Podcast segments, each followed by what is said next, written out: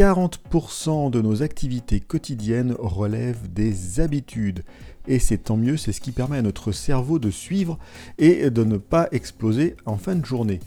Bienvenue, vous êtes sur le podcast J'ai pas le temps pour ça, présenté par Eric Boucher, où l'on parle de d'outils, méthodes, trucs et astuces pour être plus efficace au quotidien et terminer la journée plus tranquillement.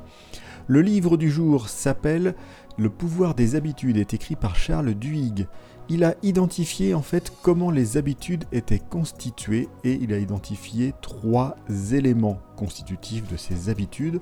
Le premier, c'est un signal qui va dire justement à notre cerveau de se mettre en mode automatique et de sélectionner l'habitude qui va bien, qui correspond. Le deuxième élément, c'est une routine qui peut être physique, mentale ou émotionnelle. Qu'est-ce que je fais? Et le troisième élément, c'est une récompense qui va permettre au cerveau d'identifier pourquoi est-ce que cette boucle spécifique est intéressante à euh, garder en mémoire pour la suite.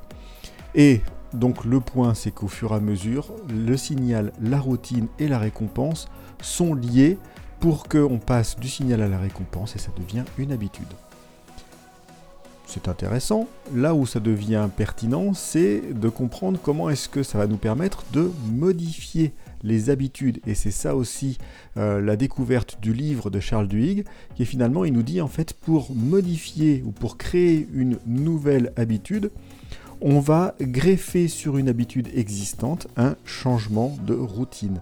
On ne change pas le signal, on ne change pas la récompense, mais on va juste insérer une nouvelle routine à la place ce qui va permettre en fait de faire que la greffe prenne, puisque finalement le signal est toujours là, la récompense est toujours attendue, mais vous allez juste changer le comportement du milieu.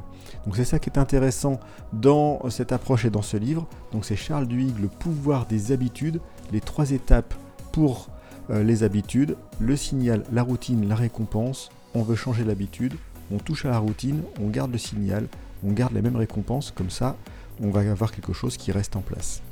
Voilà, j'ai pas le temps pour ça, en moins de 3 minutes, et on parlait des habitudes aujourd'hui.